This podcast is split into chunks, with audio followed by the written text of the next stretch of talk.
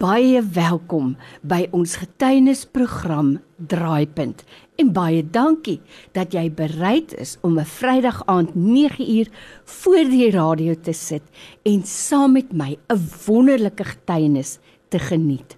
Onthou, Draaipunt word weer herhaal op 'n Sondagmiddag 06:30. En as jy 'n storie het om te vertel, stuur vir my 'n SMS na 32716. Dit kos vir jou R1 of jy kan 'n WhatsApp stuur na 0846614104 met die woord draaipunt en dan bel ek vir jou. By my in die ateljee vandag is 'n man met wie ek 'n paar jaar gelede gesels het. En eintlik is dit altyd vir my so lekker om weer 'n opvolggesprek te hê om net weer uit te vind waar op die lewensreis is hy nou. Stefan Lessing. Stefan, weet jy, dit is my so lekker om jou weer te sien en ek kan dit nou maar sê, jy lyk presies nog net soos toe ek jou 'n paar jaar gelede gesien het. Jy's baie welkom. Baie dankie Lorraine, dit is so lekker om weer by jou te wees. Jy weet Stefan, ek het al baie gesê. Vir party mense loop hulle lewenspad maar baie gelyk, nê? Lief vir die Here, lief vir hulle medemens. Vir ander mense is die lewenspad met diep donker dale en hoogtes en laagtes en draaie en swaaye. Maar uiteindelik gebruik God ons elkeen se verhaal om hom te verheerlik. So vir iemand wat nou nie kan onthou nie of die vorige keer geluister het nie, vertel net vir ons kortliks die verhaal waardeur jy gesin is.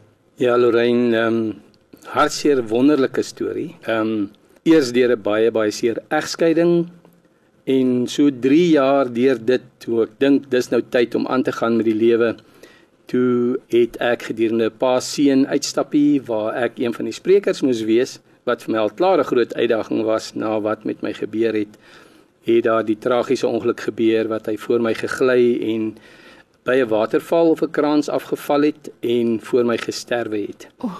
Nou dit was die uh, die twee groot seer goed as jy nou praat van diep dale in my lewe wat eintlik toe nou na 'n groot op en af ehm um, strydpad noem dit wat jy wil gelei het vir ons met ongelooflike baie lesse en 'n storie wat 'n verhaal met 'n baie baie wonderlike vol hoop einde wat ek toe nou toe nou ook gelukkig in 'n boek kon saamvat wat ons nou nou oor sal gesels. Nou jy weet Stefan, ek dink persoonlik die twee grootste tragedies in 'n mens se lewe. Daar's seker 'n hele paar. Maar ek dink van die grootstes is 'n egskeiding en jy staan voor 'n 'n kruispunt waar jy besef ek het in iets groot misluk. Nie net in die oë van kennisse en vriende wat by was toe ons nou gelofte afgelê het nie, maar of 'n belofte afgelê het nie, maar ook in jouself. Dis 'n groot teleurstelling. Inderdaad. Maar ek dink een van die grootste tragedies is vir 'n ouer om 'n kind te begrawe, waarskynlik omdat dit teen die natuur in is. Nou, ek wil net vinnig stil staan by jou. Hier is 'n tragedie, twee tragedies wat uiteindelik in 'n suksesverhaal en 'n wonderlike getuienis geëindig het. Maar hoe stap 'n mens tree vir tree daardie pad en ek vra dit spesifiek vir jou want een van ons luisteraars het nou die dag vir my 'n WhatsApp gestuur al twee haar seuns is in een motorongeluk oorlede. Ek kon haar nie troos nie ek kon net saam met haar huil. Hoe stap 'n mens daai pad? Ja Lorraine dit is 'n 'n gelaaide vraag wat ek en jy vir baie baie lank oor kan gesels. Ehm um, ek dink die eerste baie groot ding was die feit dat ek besef het dat ek moet wegkom van die vraag hoekom. Daai vraag het baie keer in ons lewe nie antwoorde nie mm. en dit sleep vir jou in 'n donker gat in. Mm. Of hoekom ons? Ja, daai hoekom kan hoekom ons, hoekom hy, hoekom so, mm. hoekom mm. nou, dit kan mm. hoekom enigiets wees. Maar die die feit van die saak is daai hoekom in in baie van die dinge wat met ons lewens gebeur, het nie 'n antwoord wat ons nou kan verstaan of ooit gaan verstaan nie. Swaar. Maar hy hou jou vas aan die verwagting dat daar 'n antwoord gaan kom. Ek het met verskeie ouers al gepraat wat omdat hulle nie God in daai prentjie kan inpas nie, by daai hoekom nooit kan aangaan nie. So die eerste stap vir aangaan het te doen met aanvaarding. Die feit dat ek moet aanvaar dat iets gebeur het. Nie noodwendig hoekom dit gebeur nie. Maar die oomblik as ek vir myself sê ek kan hierdie nie onklaar maak nie. Ek kan nie teruggaan en dit verander nie. Mm. Dit het gebeur. Dit verander my fokus wat die ander groot ding is na die volgende vraag en daai vraag is hoe nou?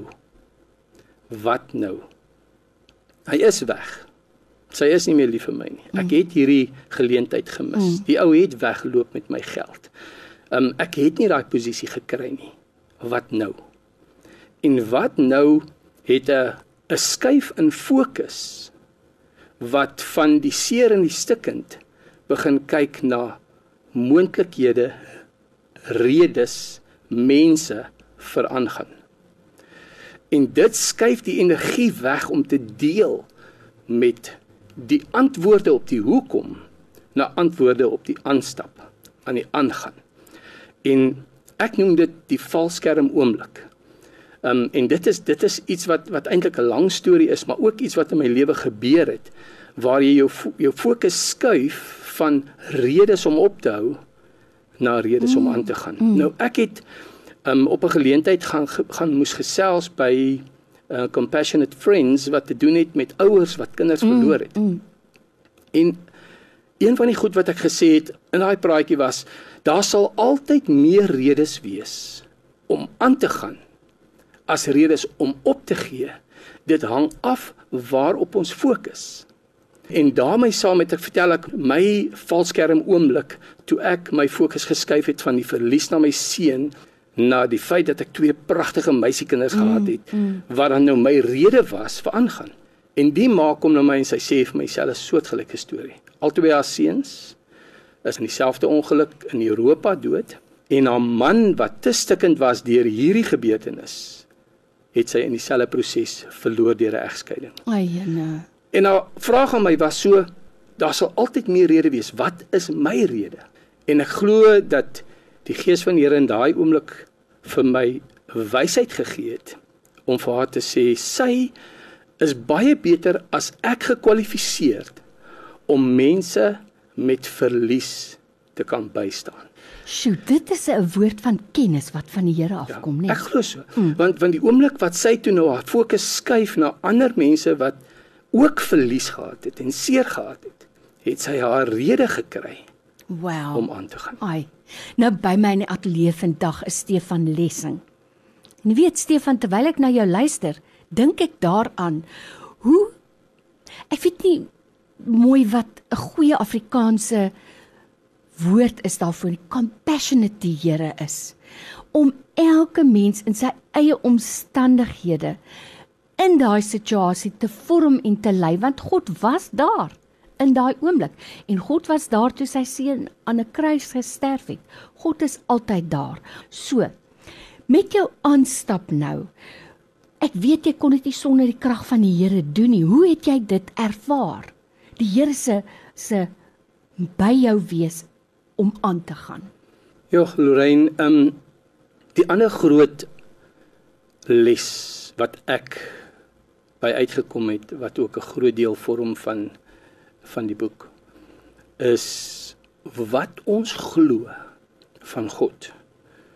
Wat ons glo van mense, wat mense glo van die wêreld, wat jy as 'n oortuiging binne in jou ronddra, hoe 'n reuse rol daai speel in hoe mens hierdie diep laagtes in ons lewens hanteer.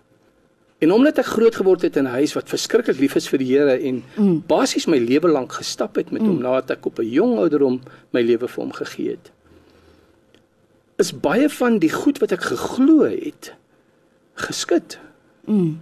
Beide deur my egskeiding en deur sy dood.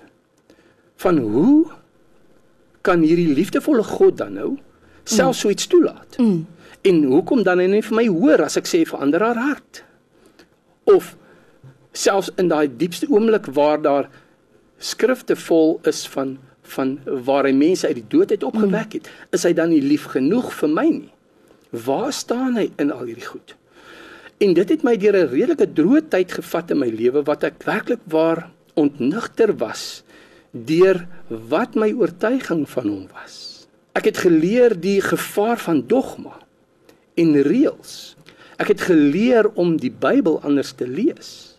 En as ek vashak by sekere dogmatiese realiteite wat vir my ingeprent was, wat teen die karakter en die liefde van God ingegaan het, het ek doeteenvoudig vir myself gesê ek verstaan dit nie en ek gaan dit nie probeer verstaan nie, mm. maar ek kies om te glo dat hy vir my lief is. O, oh, dit is subliem. Dit is absolute waarheid. Nou Stefan, uit hierdie tragedie kom 'n pragtige boek. Ek moet vir jou sê, is een van die treffendste uh, omslag wat ek nog ooit gesien het van 'n kraans aan weerskante die rotse en dan lig wat deur daai kraans kom en daar staan 'n jong seun met sy arms opgehef en die titel is inderdaad lig deur die krake. Nou lig deur die krake van Stefan Lessing.